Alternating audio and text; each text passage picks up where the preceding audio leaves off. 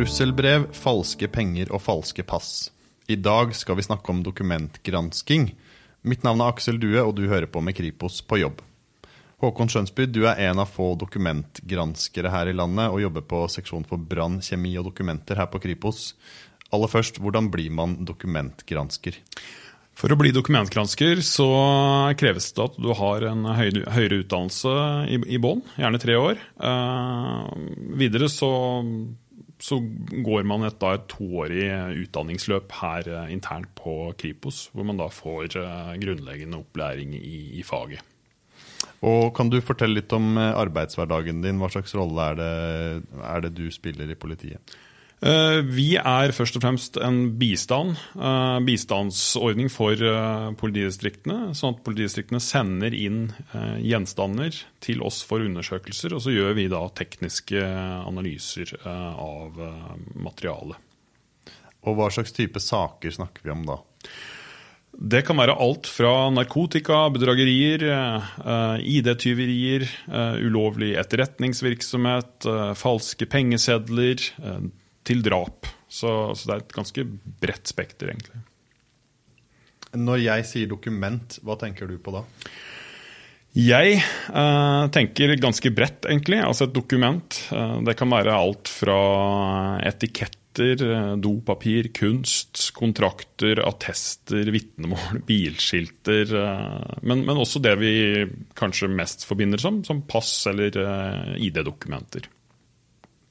Kan du ta oss med i, inn i én konkret sak som kan eksemplifisere litt hva slags type um, bistand du gir til politidistriktene?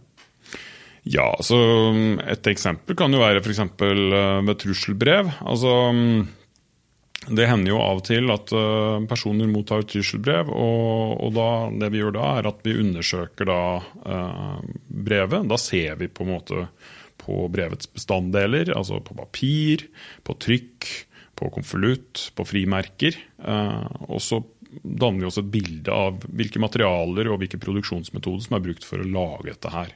Eh, ofte i sånne saker så er det jo kanskje flere brev som er sendt uh, til ulike personer eller til samme person. Og, da sammenligner man da trusselbrevene med hverandre for å se på en måte om det er uh, likheter mellom disse, disse brevene.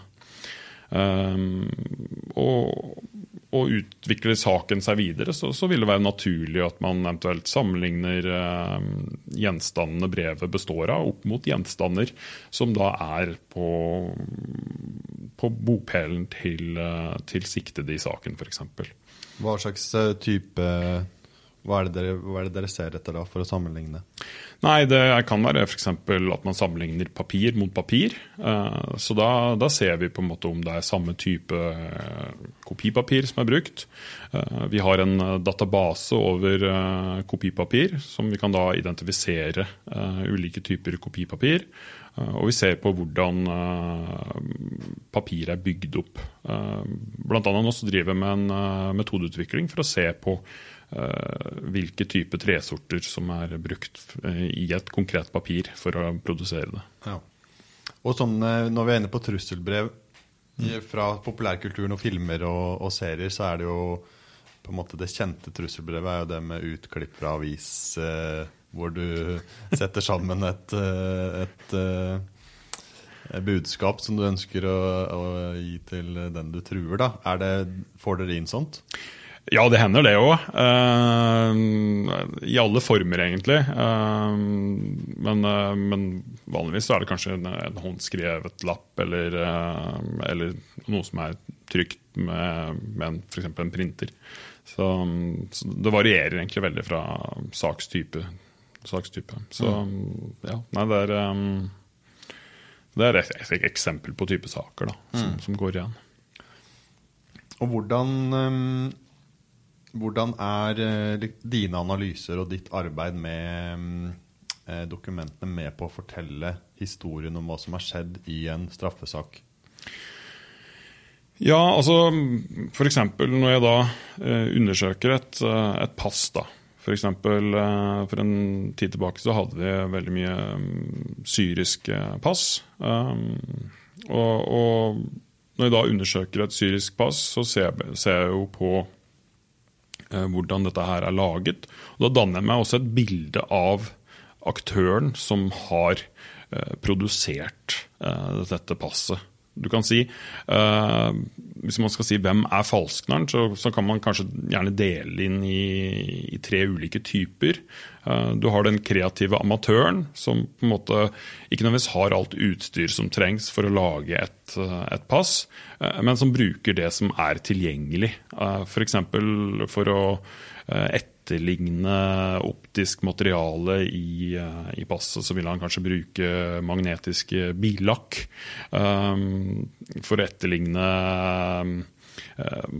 taktil følsomhet i, fra trykket, så bruker han uh, å prege papiret da, uh, for å få fram den effekten. Så, så, det er liksom den kreative amatøren. Videre så har du også trykkerier som, som, lager veldig gode forfalskninger ved å bruke trykkmaskiner. Og så Til sist så vil jeg også trekke fram det som vi kaller statlige aktører. Altså de som egentlig har alle ressursene. Uh, de har uh, kobbertrykkspresser og, og, kan egentlig lage den perfekte forfalskning, som egentlig har alle produksjonsmetodene som, som, det utsteder har i, i sitt originale pass. Så, så, dette er på en måte det vil si er de tre ulike nivåene av forfalskninger. Og når vi da f.eks. undersøker syriske pass, så, så, danner du deg et bilde av hvem som står bak også. Mm. Og av de sakene som kommer inn hit på Kripos, hva er det meste? Er det amatøren som sitter i hybelleiligheten sin, eller er det den statlige aktøren som, eh, som er superprofesjonell? Du har hele spekteret, men, men, eh, det man kanskje ofte ser, er jo på sakstyper, altså som f.eks. Eh, norske sedler, så er det ofte eh, hva skal jeg si, den kreative amatøren som, som sitter hjemme og lager sedler på gutterommet. Uh, mens, mens, i andre saker så, så, kan det like gjerne være um, Ser man f.eks. på større valutaer som, som, dollar og euro, så, så, kan det være helt opp til statlige aktører som lager uh, falske sedler. Um, pengeforfalskninger i Norge, altså forfalskning av, av, norske penger, hvor vanlig er det? Nei, Det er veldig sjeldent. Eh, hvis man ser på statistikken, så er det veldig veldig lite sammenlignet med andre land i verden. Mm. Og når eh, du får inn en, en, eh, en falsk seddel, hvor lang tid bruker du på å på en måte se at den er falsk? Eh, det, det, kommer jo litt an på hvordan den er produsert og, og, og sånne ting. Men, men, du kan si generelt sedler er, er relativt raske rutineundersøkelser som vi gjør. Men det mer det som jeg syns er mest spennende med å undersøke sedler, er egentlig det å sammenligne sedlene. Altså, Vi hadde en sak her for noen år siden hvor, uh, hvor når den uh, nye norske 200-lappen ble lansert, så, så, var det et uh, trykkeri som, som, begynte å trykke opp falske norske 200-lapper. Og, og, da vil jo dette her dukke opp i ulike straffesaker uh, rundt omkring. Og, og, da var det jo vår oppgave da å, å sammenligne da uh, falske sedler på, på, tvers av disse sakene og knytte de til da samme produksjon. Uh, og Når vi da undersøker sedlene, så danner vi også et bilde av hvordan de er laget. Hva slags type uh, papir det er, hva slags printer som er brukt. Og, og, og så etter hvert som saken på en måte tok den vendingen at det ble en siktet, så kunne vi gjøre et tilslag. og da sikret vi også på en måte uh, papir, eh, printer eh, og, og, strimler fra papirkutter. Som vi da kunne sammenligne i, i etterkant. Uh, når vi da sammenligna strimlene fra, fra, papirkutteren, så så vi at uh, det var da uh, hakk i disse strimlene som, som også matcha ulike hakk som da var på eh, falske sedler. Sånn at man kunne knytte sedlene til eh, papirstrimler som, som, lå ved siden av papirkutteren i trykkeriet. Og, og, på bakgrunn av de undersøkelsene så var det egentlig ikke omstridt at at sedlene var laget i, i, dette trykkeriet når det da kom til hovedforhandlingen. i den saken du nevnte nå, så hadde du et, eh, et bilde i hodet av hvordan produksjonslokalet så ut, bare ved å, å se på den, de sedlene dere satt og jobba med? Ja, du kan si altså når du undersøker en seddel og du ser det er offset-trykk, ja, da vet du at det er en offset-maskin i trykkeriet. Hvis du da ser på nummereringa eh, på, på seddelen og du ser at det er brukt høytrykk, ja, da, da vet du at det er en høytrykksmaskin. Eh, når seddelen er kuttet, så vet du at det er en papirkutter der. Og, og, og når du da undersøker papiret, eh, så kan du også danne et uh, inntrykk av hva slags type papir dette er. Så det er en, Ved å bruke mikroskopi så, så, kan du danne deg et ganske stort bilde av hva som befinner seg i uh, tyrkeriet. Og det er en slags teknisk profilering som, som, man da bruker. Og, og, dette danner også det bildet vi, vi bruker når vi da skal sammenligne sant, og, med, med, gjenstander fra, fra, dette stedet. Så vi, vi, prøver å finne gjenstander som, som vi kan sammenligne. Um, mm. um, dette med forfalskninger av pass, andre ID-dokumenter, uh, penger Hva slags måte, omfang eh, på verdensbasis ser vi av, av den type kriminalitet? Eh, det kan gå litt sånn i bølgedaler. altså Sånn som nå under korona, så har det jo vært mindre reising. ikke sant? Så da er det jo også mindre eh, behov for pass. Eh, men det er klart at et, et, et pass er jo ofte nøkkelen for å komme seg inn i f.eks. Schengen-landene. Sånn at det er ofte nøkkelen til å etablere seg under falsk identitet i et land. Så, så det er klart at det, Eh, pass i seg selv eh, er kanskje er jo bare papir, eh, men, men, det er jo på en måte utsteder som går god for passet, som, som gir verdi til passet. Har du et norsk pass, så kan du reise og, et, og, og, arbeide i utrolig mange land. Og, og, det gir også en verdi til det dokumentet, som, som man er nødt til å beskytte. Eh, og Derfor legges det også veldig mye ressurser inn for å få et, eh, et sikkert uh, dokument som, som, er vanskelig å forfalske. Men i på en måte moderne pass og, og, penger, hva er de viktigste elementene som skal sikre at de ikke skal kunne forfalskes? Eh, det er tilgjengeligheten av produksjonsmetodene, altså sånn, som, som, ofte er eh, sikkerheten i dokumentene. Altså du kan si et, et, et, pass kan for den som ikke er eh, dokumentgransker, kan kanskje oppfattes som et enkelt eh, dokument, men, men, hvis man undersøker dette her nærmere, så er det brukt eh, altså du har brukt utrolig mange forskjellige trykkmaskiner for å produsere det. Eh, I tillegg så har du veldig eh, mange ulike optiske eh, sikkerhetselementer, altså hologrammer og, og blekk som skifter farge når du tilter på dokumentet osv. I tillegg så har papiret er jo spesialprodusert og, og har vannmerke, sånn, sånn at du har veldig mange ulike komponenter som er satt sammen. Um, jeg pleier å tenke at det er litt sånn som, som en bil. altså du, du, får komponenter fra veldig mange ulike underleverandører, og så settes det her sammen til, eh, til noe. Og, og, det er også mye av sikkerheten i, i dokumentet. At det, det, krever veldig ressurser for å lage det.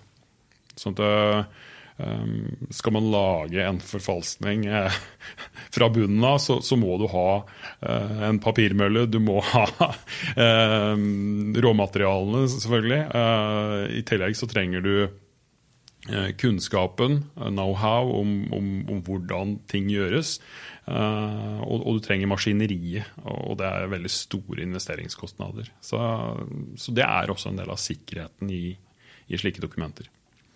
Du har med deg noen eh, pass og mm. ID-dokumenter og sedler eh, som ligger på bordet foran oss her. Mm. Kan ikke du um, fortelle litt, prøve å beskrive hva du har med?